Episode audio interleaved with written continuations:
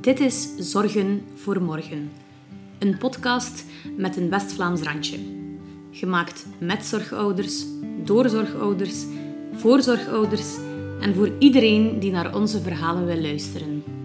Want wij, wij zorgen samen voor morgen.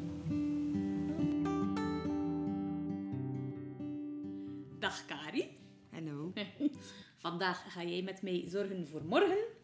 We gaan beginnen met de casual facts. Je bent apotheekassistent, eh, getrouwd met Jelle. Klopt.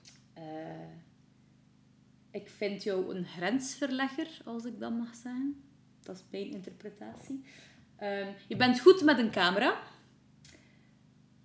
Je ziet goede stappen aan het zetten naar self-love, wat ik heel bewonderenswaardig vind. Maar het is ook zo een duister kantje. Mag ik dat zeggen? Ja hoor, dat mag. Voilà. En je bent ook wel een grote dierenvriend. Hè? Yes. Yes, voilà. Ehm, fun fact, wij kennen elkaar al lang. Heel lang. 14, 15 jaar oud waren we zeker. Denk het. Dus dat is al een goede 17, 18 jaar. Ik zou zeggen, we worden oud, maar de mensen die effectief ouder zijn dan ik, gaan dat niet geren. Maar wat. Dus het leuke daaraan is, ik ken jou een beetje, ik ken jouw verhaal een beetje, maar ja, als tiener ben je niet echt bezig met het graven naar wie is ze, wat drijft daar, waarom, wat, hoe. We zijn daar allemaal niet mee bezig. Maar kijk, ideaal moment daarvoor. Ehm, voor onze luisteraars, jij ehm, bent ja, zorgenkind geweest, ik mag dat wel zeggen, zeker. Ja, ja. Eh, ondertussen een volwassen vrouw. En je had mij ooit een keer laten weten van... Als je mij een keer kan gebruiken in een podcast, let me know. En ik dacht, ja, vind ik, interessante in, een, in, hm, vind ik een interessante insteek. Ehm, dus we gaan erin vliegen, zou ik zeggen. Ehm, jij hebt perceptief gehoorverlies. Ik ben even naar dokter Google geweest. En die heeft gezegd dat dat een defect is in het binnenoor. Daar waar de geluidstrillingen worden omgezet in elektrisch signaal en dat dus niet wordt doorgegeven aan de gehoorzenuw. Klopt. Voilà. Klopt. Maar, je hebt me net gezegd, Fij, je zit doof of je zit niet doof. Er is eigenlijk een, een onderscheid tussen slechthorend zijn en doof zijn. Dat ligt in grenzen van decibels. Ik ga dat niet uitleggen, want dat is veel te ingewikkeld. Eh, maar vanaf een bepaalde grens ben je eigenlijk doof. Ik denk dat die grens ergens op een verlies boven de 100 en zoveel decibel ligt. Als je, daar, als je dus minder dan 100 hebt, dan ben je slechthorend of zwaar slechthorend. En zit je boven die 100 decibel verlies, of 105 kunnen er vanaf zijn, dan word je eigenlijk bestempeld als doof. Maar wij als doof of slechthorend persoon gaan eigenlijk nooit zeggen... Hallo, ik leid aan perceptief gehoorverlies of aan geleidingsgehoorverlies of een ander gehoorverlies. Nee, wij gaan meestal zeggen wij zijn doof of wij zijn slechthorend zonder dat er daar heel veel extra medische info bij komt kijken. Ja. Ja, in mijn ervaring is het ook niet als, als ik iemand tegenkom die doof of slechthorend is, dat ik vraag, ah ja, wat heb je precies? Het is inderdaad, je zit doof, slechthorend of horend. Maar je bent wel horend geboren. Klopt. Ehm wat je zei ook van, het is, je, je liet mij weten van, dat is duidelijker geworden dat ik zes jaar was. Kun je je er nog iets van herinneren, van het feit dat je horend geboren bent en dat er dan plots dingen, dat je dingen waarneemt waardoor dat je minder goed hoorde? Of... Raar, maar waar eigenlijk wel. Ehm, ik heb bijvoorbeeld een, een zeer goed auditief geheugen. Ja, mooi West-Vlaams woord, geheugen. Ehm, ik weet nog perfect hoe de zee klinkt. Je zou kunnen zeggen, klinkt, weet je dat dan nu niet meer? Nu is dat niet meer hetzelfde. Dus er zijn wel bepaalde eh, auditieve geluiden die in mijn hoofd zijn opgeslaan, waardoor ik weet hoe dat ze zouden moeten klinken. En dat ik nu eigenlijk de vergelijking kan maken of ik ze nog hoor zoals vroeger of niet. Voor de rest, dat eigenste moment, ik herinner mij wel heel vaag als ik in het leerjaar zat, dat was juist in het begin van het leerjaar, dat er wel zo heel veel te doen was rond, amai, ze zegt wel heel veel wat blief, of ze, ze verstaat het niet goed, of ze negeert precies dingen, terwijl dat, er, dat ze dat eigenlijk wel zou moeten gehoord hebben. En toen is dat eigenlijk wel uitgekomen. Maar of ik dat zelf super lastig heb gevonden toen, op dat moment, dat weet ik eigenlijk niet meer. Maar er zijn wel heel vage herinneringen dat ik wel nog heb van toen ik wel nog kon horen. Ja. ja, wat je zei dan ook tegen ik, van ja, vanaf 12 jaar kreeg ik dan de stempel doof. Dus hij zit dan in die range van zoveel 100 decibel, eh, dat je dat niet meer hoort. Als 12-jarige, zo pre-puberteit, eh, je staat dan echt zo, je gaat naar het eerste middelbaar, en dan krijg je de stempel doof. Wat doet dat met jou als jonge tiener? Dat was een ramp. Dat was, ja, gewoon een ramp. Ehm, ehm, vooral omdat ja, je begint met puberen. Je gaat naar het eerste middelbaar. En je komt daartoe. Ik ging naar een gewoon eh, normaal onderwijs, dus geen speciaal onderwijs. Ehm, als quasi één van de enige in school. Ik had geluk in de school, in de middelbare school waar wij naartoe gingen, waren er in totaal, inclusief mijn oudere zus, eh, nog twee andere eh, meisjes die ook doof waren en hoortoestellen droegen. Maar ehm, ja, ik in mijn jaar, in mijn eerste middelbaar, was eigenlijk de enige. En als je dan als 12-jarige, 13-jarige begint te ontwikkelen, dan begin al zo te kijken van wat heeft die anders dan ik. En dan vielen mijn oren daar wel heel hard in op. Omdat je hoorapparaten droeg eigenlijk. Klopt. Ja. Dus dat was wel, ehm, ja... Het verschil was enorm met, met de lagere school. In de lagere school was dat, oh, maakt niet uit, dartel, dartel, speel, speel. Eh, pff, ja, ging ik alles ook doen. Hield niets mij tegen, maar vanaf eigenlijk het middelbaar hielden mijn oren mij enorm tegen. Dus ja, dat was ook zo heel veel onbegrip, omdat je kunt ook niet verwachten van een, van een klasgroep van 20, 12 à 13-jarigen, dat ze ontzettend veel begrip gaan opbrengen voor een mankement tussen haakjes. Die zijn al zodanig druk bezig met hun eigen puberale zorgen, ja, dat is waar. dat ze niet meer de puberale zorgen van iemand anders erbij kunnen nemen. Dus dat botste soms toch wel op, op heel veel onbegrip. Van je leeftijdsgenoten eigenlijk Ja. vooral dan. Leerkrachten waren eigenlijk niet zo'n groot probleem. Die, die waren goed geïnformeerd. Want ik werd begeleid vanuit ehm, Spermali. Dus ik had ook eh hondbegeleiding. Hondbegeleiding is eigenlijk een leerkracht die ondersteunt voor vakken waar het moeilijk mee gaat. Dus vaak waren dat dan de talen. Waar dat je toch je oren voor nodig hebt om te weten hoe dat je dingen moet uitspreken en zo.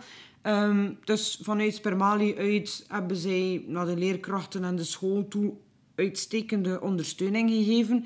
Zij kwamen ook in de klas om dat alles aan de leerlingen uit te leggen. Maar ja, zoals ik daarnet zei, als je 12 à 13 jaar bent, in de woorden van nu zouden ze zeggen boeien. Ja. Dus, eh, dus eh, ja, dat was wel lastig. Ja, ja, kan ik eh, inkomen. En zeker als je pubert, het is al moeilijk genoeg al zo. Ehm, nu, je zei daarnet ook even van, met mijn zus inclusief. Ja, ik ken je zus natuurlijk ook, hè, dus jullie zijn alle twee doof.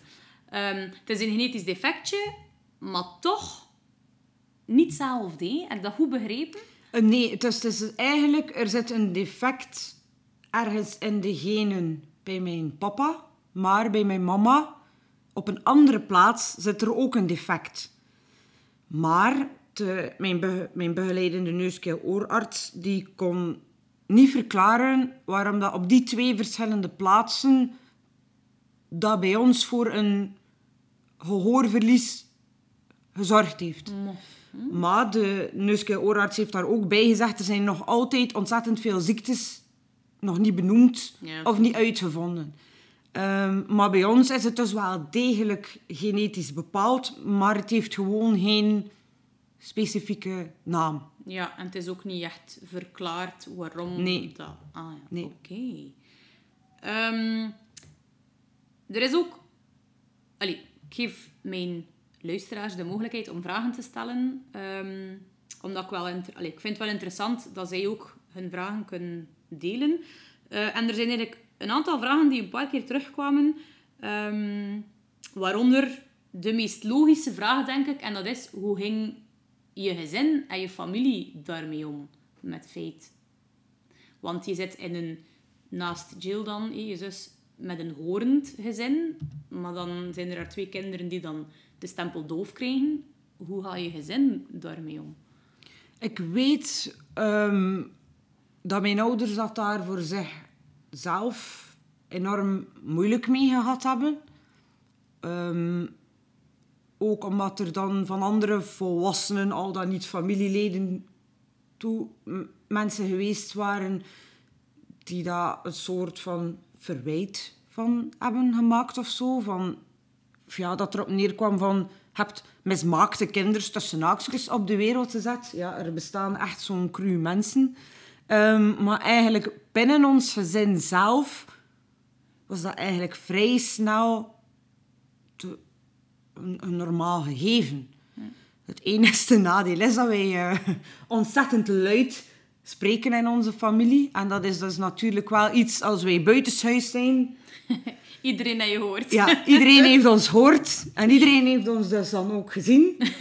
um, maar het, dat is een nadeel. Maar ja, eigenlijk voor de rest binnen mijn gezin gingen we daar eigenlijk wel vrij goed mee om. Als ik bijvoorbeeld mijn oortoestellen niet in had, omdat mijn haar nat was, dan kon ik mijn mama nog altijd begrijpen door te liplezen. Of mijn papa deed dan extra zijn best met te overarticuleren. um, maar mijn ouders hebben eigenlijk als een soort van zelfsprekendheid altijd alles voor ons geregeld en, en uitgezocht. En ik heb daar persoonlijk toen als kind niet echt veel van gemerkt. Maar ja, nu als volwassene weet je dan natuurlijk wel wat voor een hele hoop regelwerk dat er daarachter komt. Um, maar eigenlijk als, als gezin was dat vrij snel vrij normaal, denk ik. Hmm. Want ik hoorde je ook zeggen, ja, liplezen of overarticuleren of weet ik veel wat. Dus ja, je hebt horende ouders. Ze hebben twee dochters die doof zijn. Wat hebben zij gedaan zodat jullie op de best mogelijke manier jullie kunnen ontplooien? Maar eerst en vooral is dat begonnen met ontelbare keren naar de neuskeer oorarts te gaan. Want ja, sommige ouders gaan dat waarschijnlijk wel herkennen. Dat was een verhaal van heel veel buisjes in de oren. Heel veel oorontstekingen. En dan um, als het tussen haakjes verdekt kwam dat, um, dat ik slechthorend was. Ongeveer, ik denk rond dezelfde periode of een jaar later, is dat bij Jill ook uitgekomen.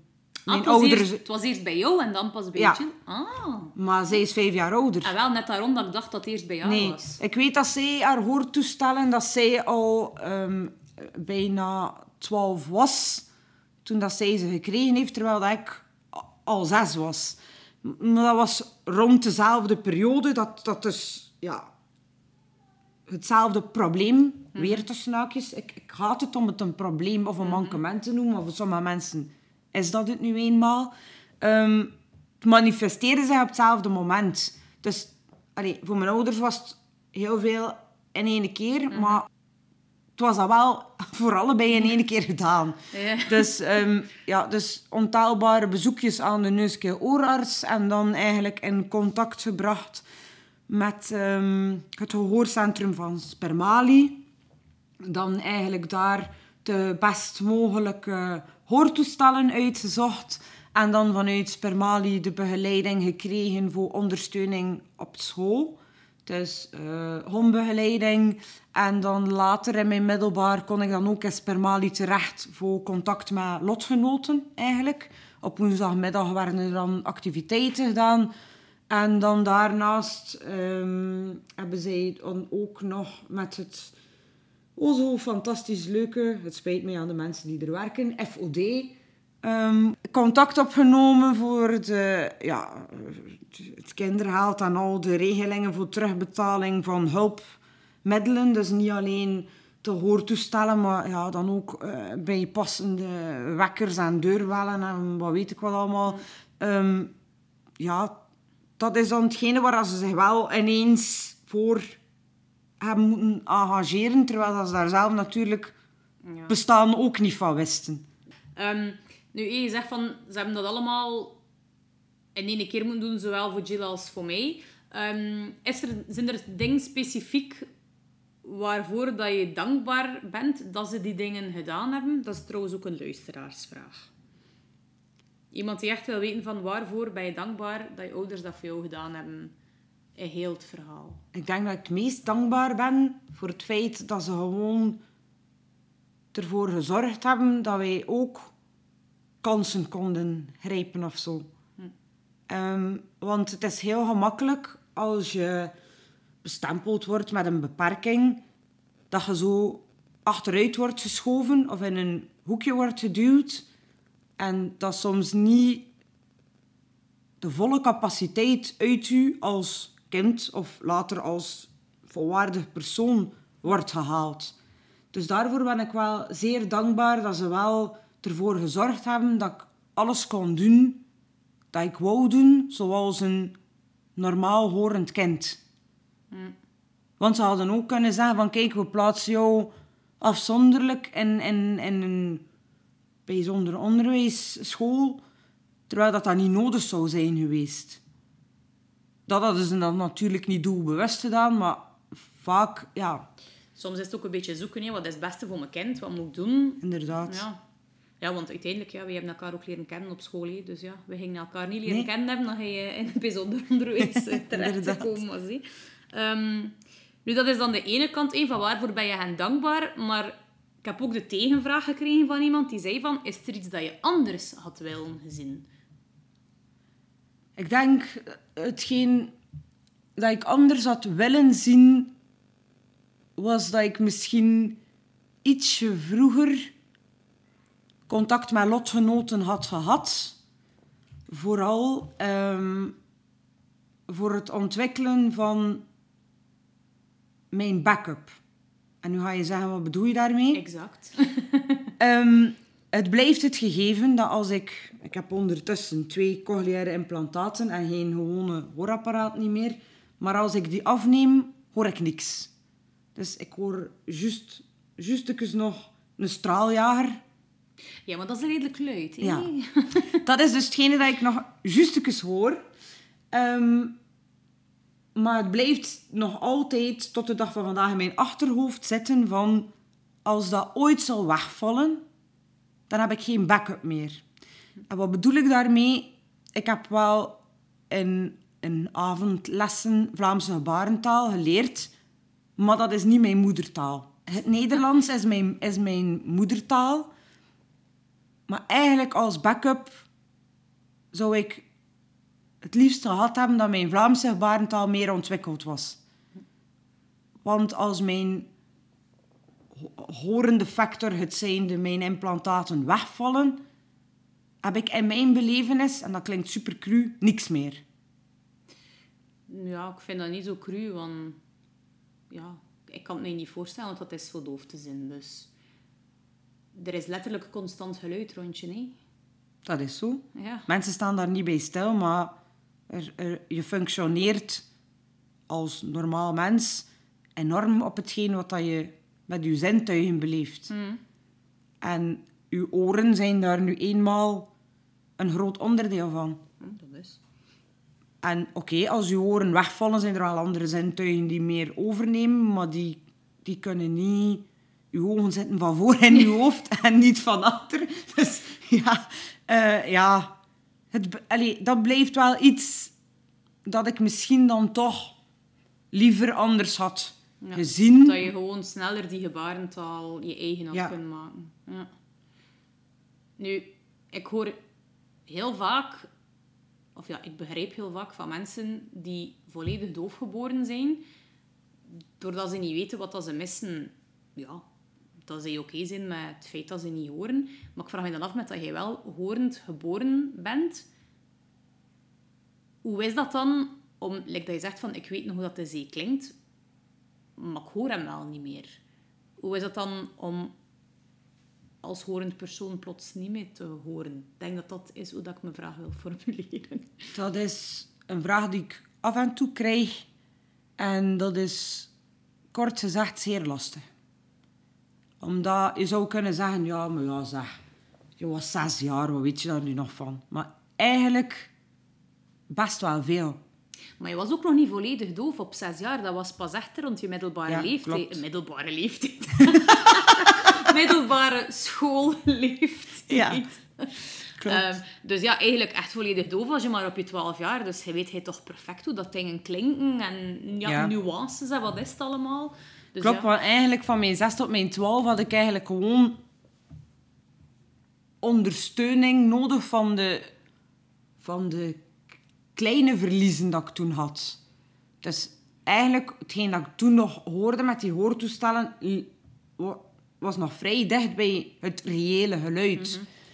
Ehm, maar ja, om terug te keren op je vraag, dat is ontzettend lastig. Want als je dan in gesprek gaat met iemand die doof geboren is, die begrijpt dat totaal niet. Ja. Want zij weten niet, zij weten niet hoe, dingen, hoe mooi, vooral dat, hoe mooi dat geluiden zijn. En als je dat wel weet, dan is dat wel lastig om dat te aanvaarden. En het lastigste was dat net dat aanvaardingsproces er kwam wanneer dat je jezelf als persoon, als puber, ook nog een keer moet aanvaarden. Dus nu, nu, heb ik dat, nu heb ik dat volledig aanvaard, maar dat is bijvoorbeeld super lastig als er nu iemand zegt van ja, oh, dat is een mega mooi geluid. En dan ik zoiets heb van, oh, dat klinkt echt mega mechanisch, zo com- computerrobot gestuurd. En ergens in mijn achterhoofd weet ik dan van, waarschijnlijk klinkt dat in realiteit anders. Maar bots ik nu eenmaal tegen het feit dat ik nu ja, elektrisch hoor, om het zo te zeggen. Ja. Dus dat is wel... Ja, dat blijft wel een, een lastig iets. Ja. Kan, dat, allee, kan daar wel in komen omdat je er zo een beetje tussen valt. Hè, dan. Maar ze zeggen dat toch vaak, als een van je zintuigen wegvalt, dat je meer gaat inspelen op je andere Dat zintuigen. klopt. Dat, allee, ik vind persoonlijk van mijzelf... Ik ruik veel te goed, jammer genoeg. En- dat is niet altijd positief. Nee, jammer genoeg niet. En ehm, ik zie ook wel heel veel.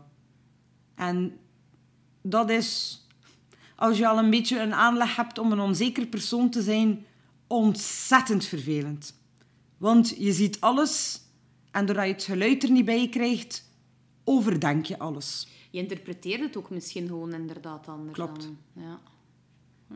Bijvoorbeeld als er, als er twee mensen in gesprek zijn en die kijken toevallig mijn richting uit en die beginnen te lachen, dan is dat voor mij, ja, dat heeft heel lang geduurd om dat te kunnen beseffen of aanvaarden van dat hoeft niet per se over mij te gaan. Ja.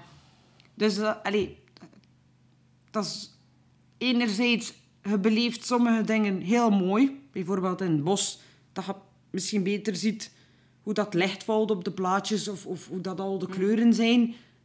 Maar anderzijds het meer zien of het meer ruiken is niet altijd even positief in, in verhouding of zo. Ja. Ja, ik zou zeggen, ik kan erin komen, maar eigenlijk ook niet, want ik hoor, hè, ja.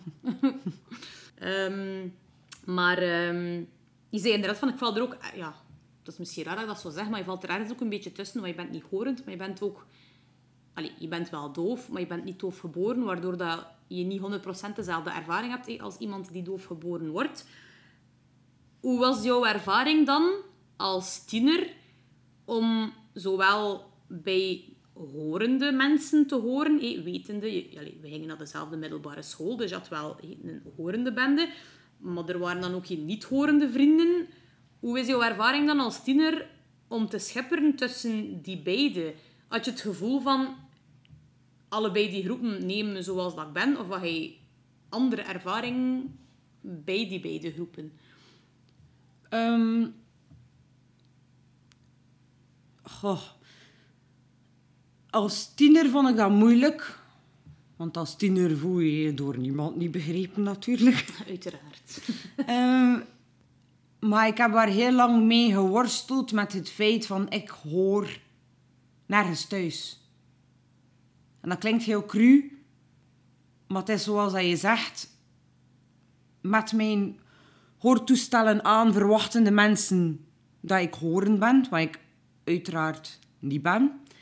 En ehm, vanuit de dove wereld uit, dus versta daaronder mensen die doof geboren zijn, mensen die doof geworden zijn, mensen die gewoon doof zijn. Zij redeneren ook met uw hoortoestellen of met, vooral met uw implantaten, ben jij horend. En zij vergeten even dat als ik dat afdoe, dat ik doof ben. Maar dat is een, een cultureel gegeven. Eh, ontzettend ingewikkeld, maar het is er wel.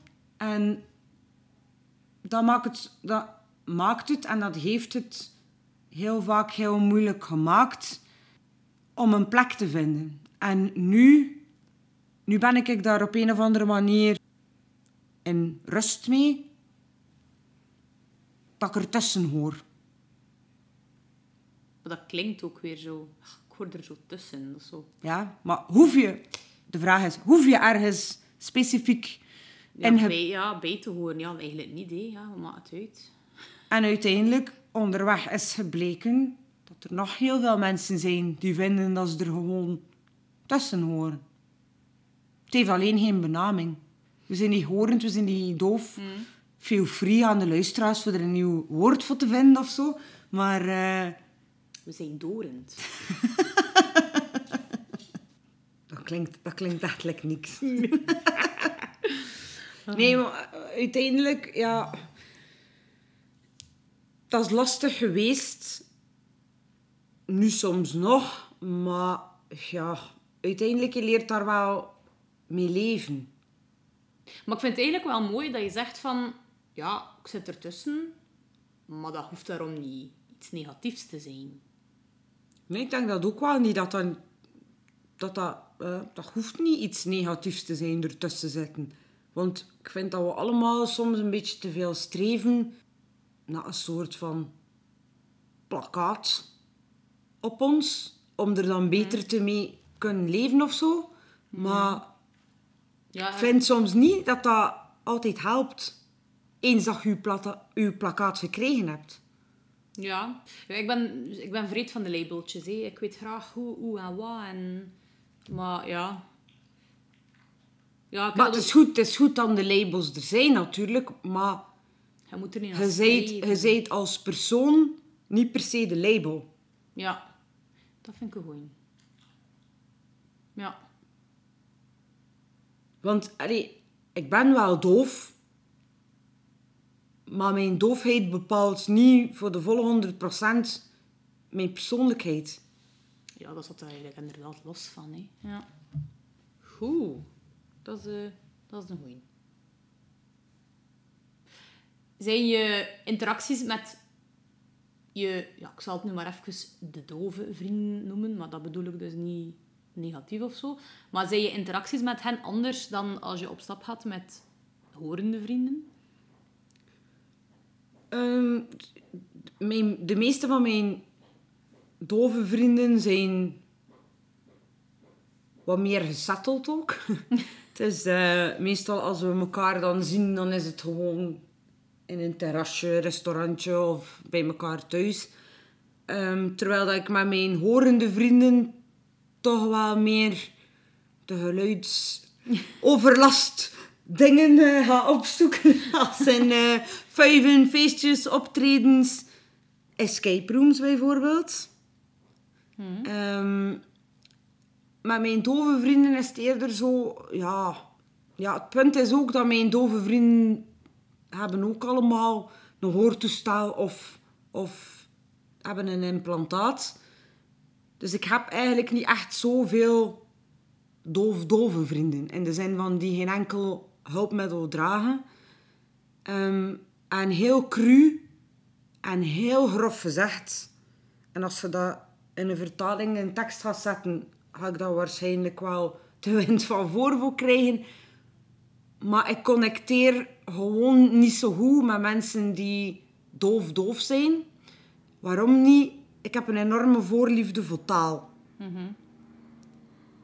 Enorme voorliefde voor correcte zinsbouw. en gewoon geschreven taal. Ja. En gesproken taal eigenlijk ook. En misschien weet je dat of weet je dat niet. Maar bijvoorbeeld in de Vlaamse gebarentaal is de grammatica totaal niet zoals het Nederlands. Dat wist ik niet, nee. Ja, dat is een... Werkwoorden bijvoorbeeld worden niet vervoegd. En personen zijn altijd een hij of een hem. Ah, Haar bestaan niet. Ehm, maar dat, dat is heel cru gezegd, hè, maar dat is gewoon in zinsbouw. En dus ook in geschreven taal. Dat is een zootje ongeregeld. En ik heb op een of andere manier het gevoel...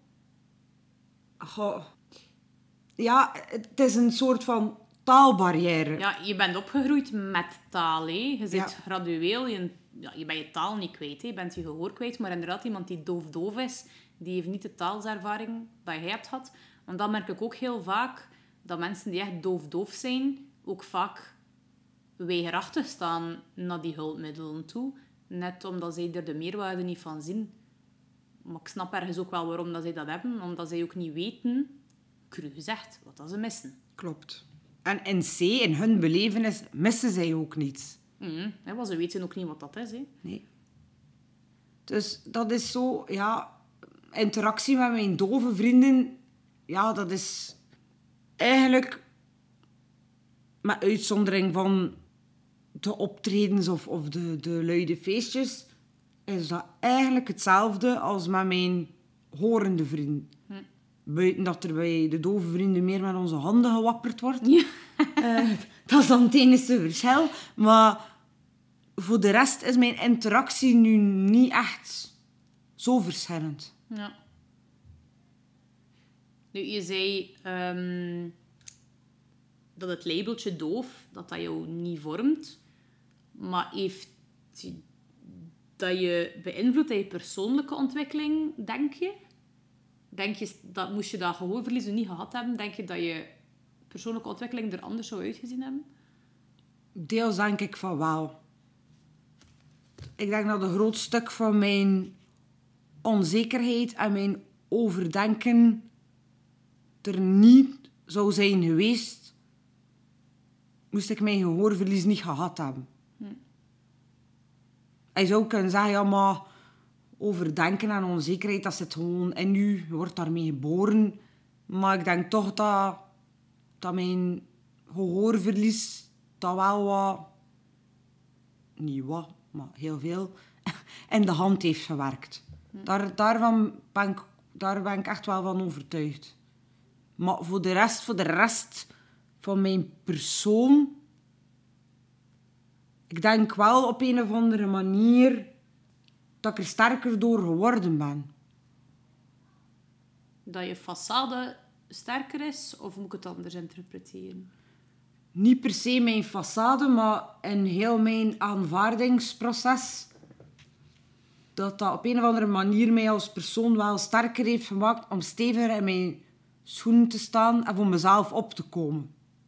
Neemt niet weg dat eens dat ik voor mezelf ben opgekomen, dat ik daarna dan ontzettend onzeker ben over dat ik niet te hard voor mezelf was opgekomen. Maar bon, dat is dan iets anders. maar ehm, ik denk wel... Goh, weet je, kan daarover nadenken over hoe dat, dat zou zijn geweest zonder, maar dat brengt mij ook niks vooruit. Het is er nu eenmaal en, en nu heb ik zoiets van, ja, weet je, het waren allemaal lessen en ben er alleen maar sterker door geworden. Ik heb ook alleen maar meer kennis erdoor opgenomen of zo. Ja, we hebben het er vorige keer dat je zag ook over gehad. hé. Doof zijn en corona, mondmaskers. Los van de frustraties dat je toen had. Heb je zo nog frustraties in het dagelijkse leven als zijnde dove vrouw? Ehm, eerst en vooral bots ik heel veel tegen het feit dat als ik aangeef aan iemand dat ik doof ben, dat de eerste zin die eruit komt is, maar dat kan niet. Nee, wat? En dan denk ik, ehm, ik ga daar niet over liegen, maar bon, maar dat kan niet, hij babbelt veel te goed.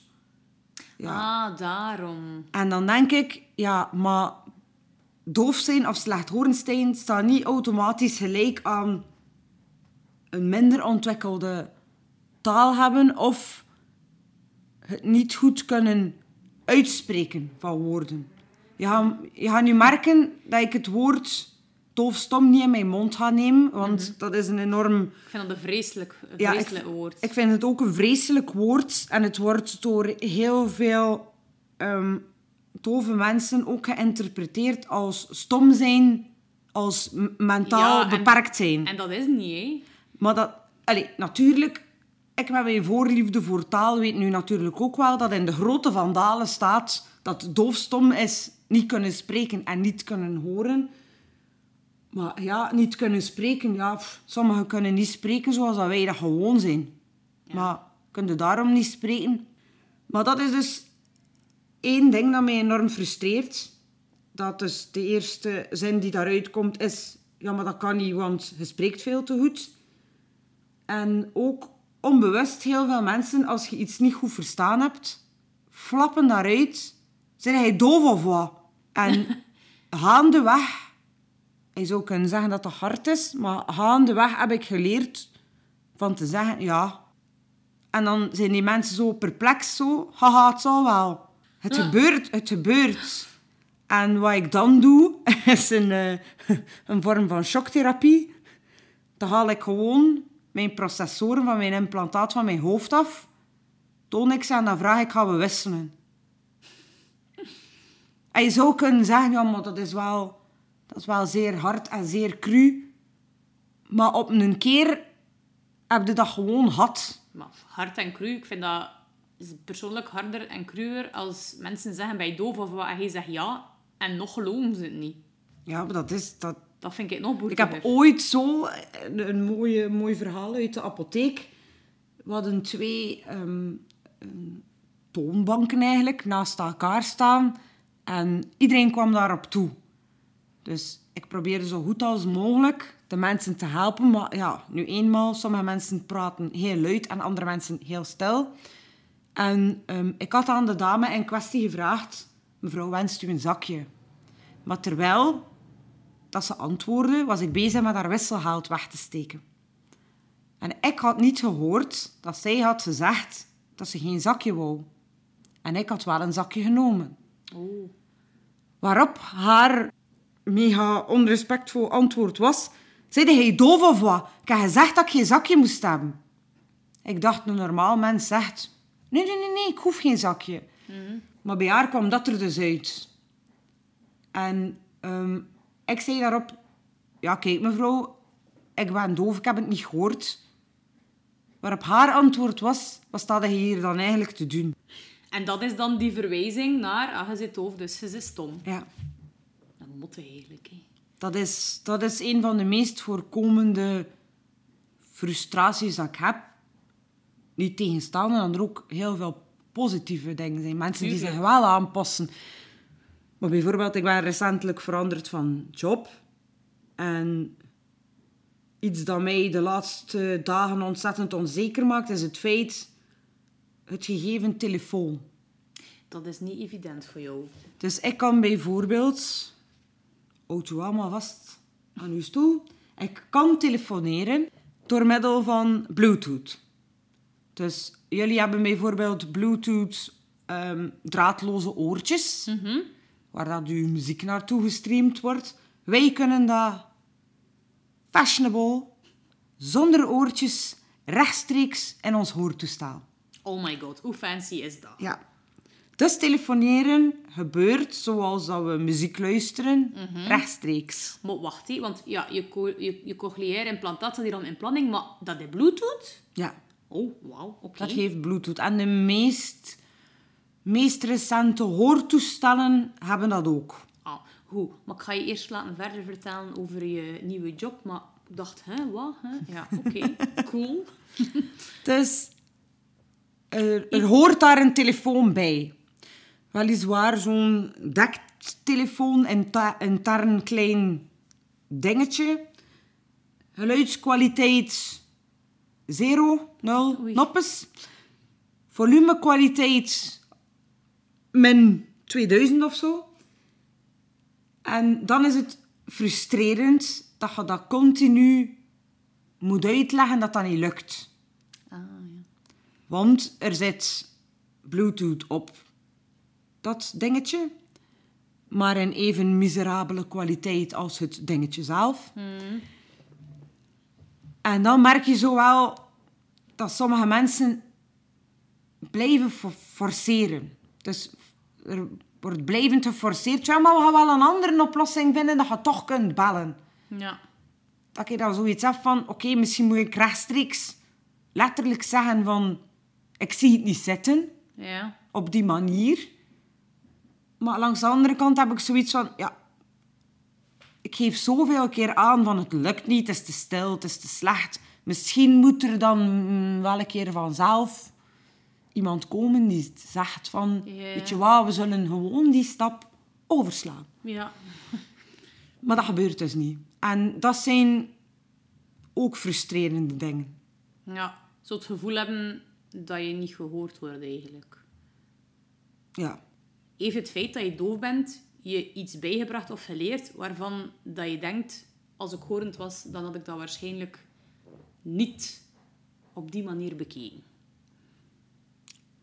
ja sowieso, sowieso uw contact met dove mensen en sowieso de toegankelijkheid van mensen en openbare plaatsen voor mensen met een beperking. Want hoe dat je draait of keert, heel veel openbare plaatsen zijn niet toegankelijk voor mensen met een beperking. Ehm, wat, wat dat mij vooral ja, heeft bijgebracht. Ja, ik, zeg, ik, ik, ik heb ook een heel mooie tatoeage op mijn arm staan. Die omschrijft weakness makes stronger. Oftewel, zwakheid maakt sterker. En was ik een minder sterk persoon geweest zonder mijn gehoorprobleem, dat, dat denk ik nu wel niet. Maar ik denk door de hele omweg dat ik soms heb moeten maken, dat ik daardoor wel ehm steviger in mijn schoenen sta. En dat mij bijgebracht heeft om geduldig te zijn. Ah. Ja, geduld. Dat is inderdaad het- iets dat niet veel mensen gegeven is. Ik, ik sta ook van voor. Wij. Eh, Ik stond van achter ook, wij, als ze geduld uitgedeeld hebben. ik weet het van mezelf. Op sommige vlakken heb ik geen geduld, hè, maar ah, ehm, als het op vlak nu aankomt van dingen moeten horen en dingen begrijpen, dan heb ik echt wel geleerd. Je zei het al net, hè, dat je cochleair implantaat Bluetooth heeft. Ik wist dat dus ook zelfs al niet. Ehm, voor de mensen die het niet kennen, Dr. Google heeft mij het volgende gezegd: dat een cochleair implantaat een binnenoorimplantaat is dat, het, dat de gehoorzenuw stimuleert. Bij dat dat wel juist is, zeker, als Dr. Google dat zegt. Maar ehm, nu ja, ik heb daar zelf ook wel al veel over gelezen. Het moment dat je op je socials je verhaal van je cochleair implantaat deelde, dan ben ik zo de persoon die gaat zoeken, wat gaat Kari allemaal doen? Wat is dat? Ik was een beetje... Ja, ik voelde een beetje een Alice in Wonderland. Want ik dacht, wacht, hé, dus ze doen, haar, ze doen iets in haar, in ja, onder haar schedel en dan met magneten. En... Maar wat ik ook weet is, het is geen wondermiddel. Dat is juist wat ik zeg. Ja, het blijft, het is en blijft een hulpmiddel. Ik krijg daar de krollen van als mensen schrijven dat het een miraculeuze oplossing is tegen doofheid. Ah, wel, de micro is yours. En dat was ook sowieso een van mijn vragen. Maar het is inderdaad niet de wonderoplossing. Maar wat doet dat cochleair implantaat specifiek voor jou dan? Wel, voor mij, dus eerst en vooral de mensen die hier nu in vol verwondering over je halve Google, Dr. Google uitleg achterblijven Ik over... zei dokter Google, hè. Ik zei niet een NKO-arts. hè. Eh, dus eh, inderdaad, er zit onder mijn schedel, om het zo te zeggen, zit er een implantaat die eh, eruit ziet als een flexibel siliconen stukje met daarin een magneet. En aan het uiteinde van dat flexibel siliconen stukje zit er een langwerpig soort van varkensstaartje. Dat gaat echt zo in een krulletje. En in dat krulletje zitten er elektroden. Beetje high-tech, maar bon. Ehm, ze plaatsen dat dus eigenlijk onder uw schedel en dat varkenskrulletje, zoals ik het noem, steken ze eigenlijk door uw slakkenhuis. Nu, ik zelf had tot voor mijn operatie ook het idee dat dat slakkenhuis echt zo groot was, gelijk een slaksenhuis. echt een slak uit de tuin. Bleek dus een dikke tegenvaller te zijn. Want dat ding is dus misschien ja, een paar millimeter groot. Ah, maar ja, het, is, het zit in je oor. Weet je Ja. dat er een slak in je oor past? Ja, maar ik, ik- ja, kijk, ik was daar echt van overtuigd dat dat, groter was. Dat dat groter was dan dat, ja, oké. Dus ja, dat is, schuiven ze dan dat varkenskrulletje met die elektroden door je slakkenhuis en dat verbinden ze met je gehoorzenuw. Wat gebeurt er eigenlijk? Je slakkenhuis wordt eigenlijk... Het gegeven slakkenhuis wordt eigenlijk weggenomen of overgeslaan. Dat is waar dat bij mij het probleem ligt. Dus de trilhaartjes in mijn slakkenhuis die uw geluid moeten voortbewegen naar uw gehoorzenuw, die liggen plat.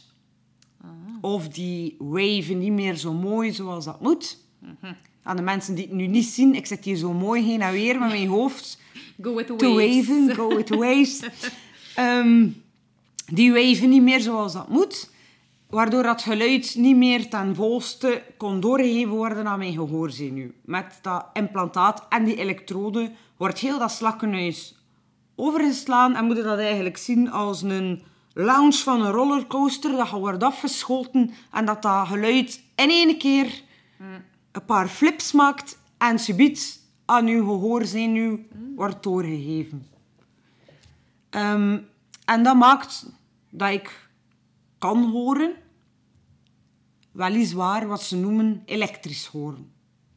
Ja, want dat zei je inderdaad daar, allee, in het begin ook van... Als iemand zegt, amai, een mooi geluid. En hij deed echt zo'n teken van... Bach, wat voor lelijk eh, elektrisch geluid is dat? Want dat is wat ik ook al vaak gehoord heb... Maar dus ja, niet zelf kan bevestigen. Maar dat dat inderdaad niet horen horen is. Dat je Nee, doet. dus eigenlijk, de meeste mensen als horend persoon, die horen akoestisch. Denkt een beetje aan een akoestische en een elektrische gitaar. Dus ehm, akoestisch horen is dus eigenlijk dat je letterlijk het geluid binnenkrijgt in je oor en dat dan heel zijn weg voortzet langs je slakkenhuis met die trilhaartjes naar je gehoorzenuw.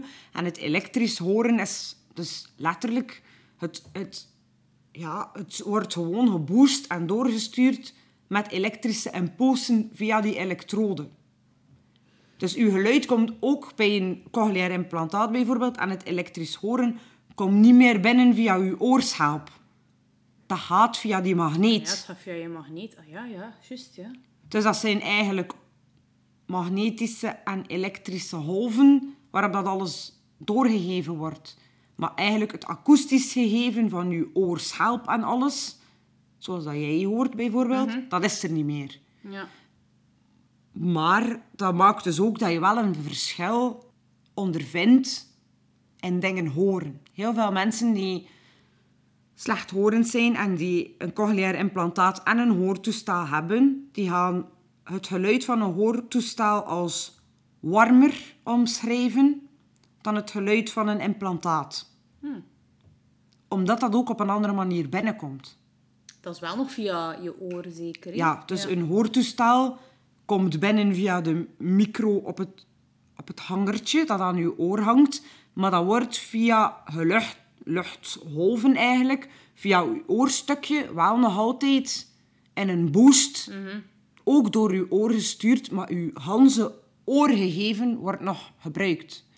Ook interessant weet je, als je met je cochleair implantaat, zolang dat je niks aan je gehoorzenuw zelf krijgt, ga je nooit meer ondervinden dat je slechter hoort. Omdat die trilharen in je slakkenhuis niet meer meedoen. Ja, want ze liggen oftewel plat of Ja. ze wijven niet Ja, meer. inderdaad. Hey, maar dat is wel goed uitgelegd, want door dat te zeggen, zie ik echt volledig mee. Maar dus, ja, in het begin dat ik mijn cochleaire implantaat kreeg, was dat een enorme, sorry voor mijn woord, mindfuck. Want, ehm, dus ik was geopereerd en pas een maand later heb ik mijn toestel gekregen. Omdat dat allemaal moest genezen en zo.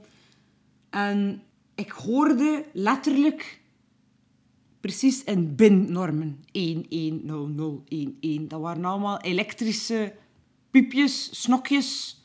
Maar ik hoorde geen A en geen O en geen E. Ik hoorde dat allemaal niet. Dus toen had ik wel zo'n een, een klein groot paniekje. Gelukkig was ik voorbereid door een vriendin van mij die haar ook had laten implanteren. Van verschiet niet. ja, in het begin is het even... Ja.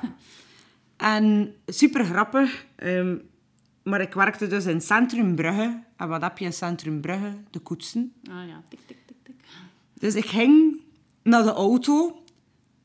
En achter mij hoorde ik een geluid, maar ik kon niet plaatsen wat.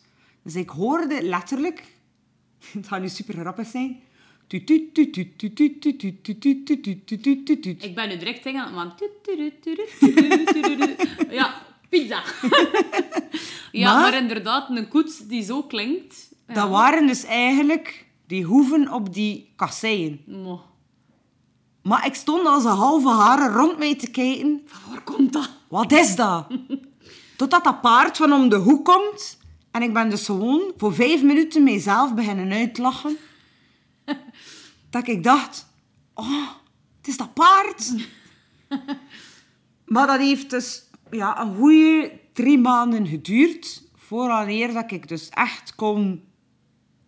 Klinkers, medeklinkers, woorden kon horen in begin mijn revalidatie, dat hield ook in. Zij zei een woord en ik moest zeggen uit hoeveel lettergrepen dat die bestond. Dat is echt opnieuw leren horen Ja. eigenlijk. Hè? Ja. En dan heb ik wel de enormste verwondering, bewondering gehad voor het menselijk lichaam. Want nu, ik, ik hoor jou A, O, O, O, mooi. Ik hoor jou dat allemaal zeggen. Oh, mijn, vooral mijn zeer platte A. A. Ik hoor jou dat allemaal zeggen. Maar in het begin van mijn revalidatie Alleen mijn engelenstem, Kari. Maar ja, je, je, dat is wel bewonderenswaardig. Je staat daar niet bij stil. Iedereen vindt elke ochtend opstaan en je ogen open doen en alles horen en alles zien en alles ruiken. Je voeten op de grond kunnen zetten, stappen, voelen, pakken, zwemmen, lopen, fietsen. Iedereen vindt dat allemaal vanzelfsprekend. Maar als je in een revalidatie zit, als je in een revalidatie zit en je moet dat dus opnieuw leren, dan neem je dat echt niet meer voor, voor vanzelfsprekend. Dus eh, ja, bijvoorbeeld het gegeven, ik heb mijn horen opnieuw moeten leren. Ik heb mijn horen opnieuw moeten leren, maar daarbij heb ik eigenlijk toch wel ook een enorme appreciatie of zo ontwikkeld voor de rest dat ik allemaal kan. En een dankbaarheid van, wauw, ik kan elke ochtend opstaan, mijn ogen open doen en alles zien. En ja, oké, met mijn cochleaire implantaten kan ik heel veel redelijk goed horen. En hetgeen dat ik hoor, ben ik dankbaar voor. En klinkt hetzelfde als bij jullie, dat weet ik niet. Ja, het is niemand die het kan zeggen. Nee. Maar ik heb zoiets, ja, ik geniet ervan. Dus dat. Plus ja, die implantaten heb je ook niet laten steken voor een ander. hè. Dat heb je voor jezelf Inderdaad. gedaan. Hè. Maar het is wel waar wat dat je zegt. Hè. Allee, Flynn heeft ons heel duidelijk ook geleerd van halleluja. Ik kan praten, ik kan eten, ik stoem, ik kan naar de wc gaan. Ik kan voelen dat ik moet pipi doen en ik ga naar het toilet. En dus eh, ja, vanzelfsprekendheid, dat is zo... Dat is een woord dat niet meer in mijn woordenboek hoort. Nee, maar het zou er bij heel veel mensen ook niet meer in mogen horen. Dat vind ik een goeie. Dat is waar wat je zegt. Ehm, ik heb ook een hele leuke vraag van een... Leuke vraag. Ik heb een vraag gekregen van een luisteraar waarvan ik dacht... die past perfect in mijn podcast. En dat is... ehm, heb je tips voor ouders die karietjes krijgen? Kinderen die doof geboren worden of die ook gehoorverlies hebben, welke tips kan je hen geven ja, om een kind op een mooie manier te laten opgroeien? Eén grote tip, één groot advies. Probeer het niet te fixen. In de zin van, probeer niet te zien als, het is een ramp. Want heel veel mensen die te horen krijgen dat hun kind doof of slechthorend is, beginnen te panikeren en die willen dat in 1, 2, 3 fixen. En dat is iets, geloof me vrij, dat uw kind zelf niet ten goede gaat komen. Nog een tip is, probeer ze van de twee werelden aan te bieden. Ook al ken je, ken je er zelf niets van. Probeer ze de mogelijkheid te geven om toch die Vlaamse gebarentaal te leren. In contact te komen met lotgenoten. Er bestaan genoeg jeugdkampen, jeugdclubs, eh, zelf clubs die afspreken. Ehm, probeer daar wel in te investeren. Want ik denk wel dat je als ouder kunt zeggen van kijk, ik wil dat mijn kind meedraait in de horende wereld, maar dat kan perfect zijn dat dat kind zich anders voelt. En liever wel meedraaien in wat wij noemen de dove wereld. En daar ook eenmaal gelukkiger in gaat zijn. Dat kan. Ehm, nog een tip. Probeer niets te forceren. En heb vooral geduld en aandacht voor dingen die niet lukken. Als ze aangeven van kijk, dat geluid lukt mij niet, of, of dat stoort mij, of, of dat vind ik niet leuk. Er zijn bijvoorbeeld heel veel kinderen die in het begin het verschrikkelijk vinden om die hoortoestellen te dragen. En jammer genoeg zijn de meeste neuskeel oorartsen hoe meer input, hoe beter. Blijven volhouden, blijven dragen. Maar dat vergt heel veel van een kind. En durf dan dus om dat kind rustperiodes te geven. Ik word 32 en ik doe het zelf ook. Als ik geen zin heb om te luisteren of als alles te veel is, haal ik die twee dingen gewoon van mijn hoofd af en ik leef in stilte. En terwijl doe ik, doe ik alles voort. Hè. Dat is zo... Dat, ik wil nu niet ding klinken, maar... Dat is zo- zalig. dat is zo de pro aan de kom. Ik wil je eventjes niet horen. Poef. En ik, dat is eigenlijk gewoon je oren afzetten dat, Dat je is doet, zo. hè. Er zijn heel veel horende mensen die zeggen, oh, weet je, ik ben daar echt jaloers op. Ja, zo Want- gewoon even de wereld Ja. letterlijk stilzetten. Ja. Ik zou dat persoonlijk fantastisch vinden, want de wereld staat bij mij nooit stil. Ja. Maar ja, je hebt genoeg andere mankementen. Allee, het zijn niet allemaal positief. Nee, maar dat is wel zeker een positief iets dat wel kan gebruikt worden. Zeker als kinderen aangeven van, het is te veel. Mhm, Even gewoon Ja. af. En vooral, ik denk dat ook het belangrijkste is, laat niet automatisch dat gehoorverlies, hoe moet ik het nu zeggen, bepalen wie dat je kind is. Ah, ja. Je kind kan nog altijd alles verder doen, ontwikkelen, en laten zelfs, zonder dat per se dat gegeven van dat gehoorverlies daarbij moet komen kijken. Ja. Je moet er wel rekening mee houden, Ja. natuurlijk. Maar maak, maak het ook niet groter dan dat is of zo. Ja, het definieert het kind niet. Ja, Hm, Als persoon dan. ja. Ik denk dat dat zo'n beetje een paar tips zijn, denk ik. Ja, tips. Ik denk dat je vanuit je eigen ervaring wel kan aangeven Ja. wat dat voor jou gewerkt heeft. Ja. Ja. Ik had je ook gevraagd om wat fun facts te sturen. ik heb ze nog vlug een keer opgezocht. Ach, ik vind ze wel hilarisch. Als ik aan mijn rechteroor laat, trekt tintelt mijn tong. En dan voel je en smaak je daar niks niet meer. En dat is blijkbaar door je cochleair implantaat. Ja. Dat is dus mijn eerste... Mijn, ik, ik heb dus twee cochleaire implantaten, maar mijn eerste geopereerde oor moet dus rekening houden. Dus het gehele oorgegeven is dus veel kleiner dan ik had verwacht. Ja. Zoals ik eerder al heb gezegd. Ehm, maar het, het, het gevaarlijke daaraan ook is, als ze opereren, moeten ze langs zeer veel zenuwen passeren. Dus eh smaakzenuwen, aangezichtszenuwen, ze moeten die letterlijk netjes dokter Bibber gewijs uit de weg leggen Ja. om aan de plek te komen waar ze moeten zijn.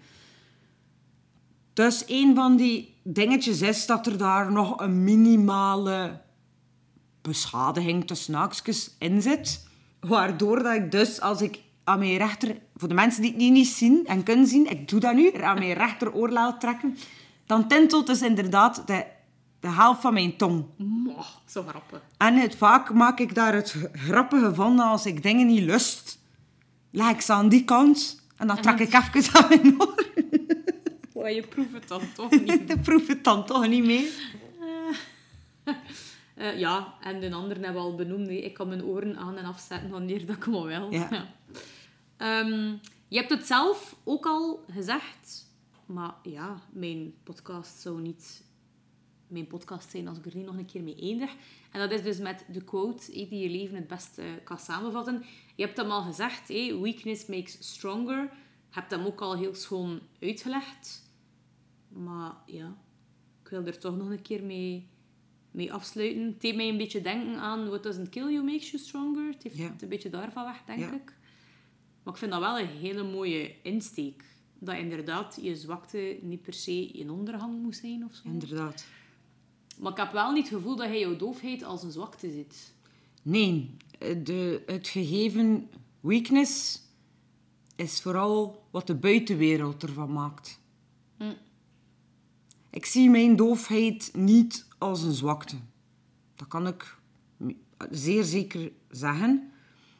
Maar voor heel veel mensen in de normaal horende wereld, om het zo te zeggen, is dat wel een zwakte of wat ze zo graag een beperking noemen.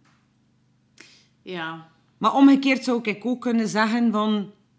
Misschien zijn jullie wel ook beperkt. Want ja, jullie zijn ook beperkt in bepaalde Ah ja zo. Ja. dingen die wij kunnen, maar jullie niet. ja, dat is waar. Ik kan geen eh, Vlaamse gebarentaal. Hè. Nee. Ik Het alfabet heb ik gekund, maar het is te lang geleden. Het is ook ontzettend moeilijk om te onderhouden en te leren. Eh, nee, eh, ja... De zwakheid is vooral iets dat bestempeld wordt door de buitenwereld. Ja. Dat is niet iets dat ik zelf ga gebruiken. Ik vind, ik vind het ook totaal geen, geen zwak punt of zo. Hier apotheekassistent, hè? Allee, als dove mens. Ik werk nota bene als dove mens. Ja, ook al. Maar waarmee dat ik me gewoon even weer een steek onder water wil geven naar die niet zo vriendelijke dame in de apotheek. Nee. Ja, maar kijk, weakness makes stronger. Ik vind dat ja, de, per- de, de perfecte eindnoot van je aflevering. Merci Kari om hier zo open over te komen vertellen. Ik hoop dat de mensen die luisteren er iets aan gehad hebben. Ik alleszins wel, want kijk, je kunt iemand al meer dan tien jaar kennen, maar eigenlijk... Ja, als 16-jarige was ik echt niet geïnteresseerd in waarom ze hij doof. Hè. Voor mij waren hij Kari. Maar laten we daarbij houden. Ja. Ik ben nog steeds gewoon Kari. Voilà. Top. Merci. Graag gedaan.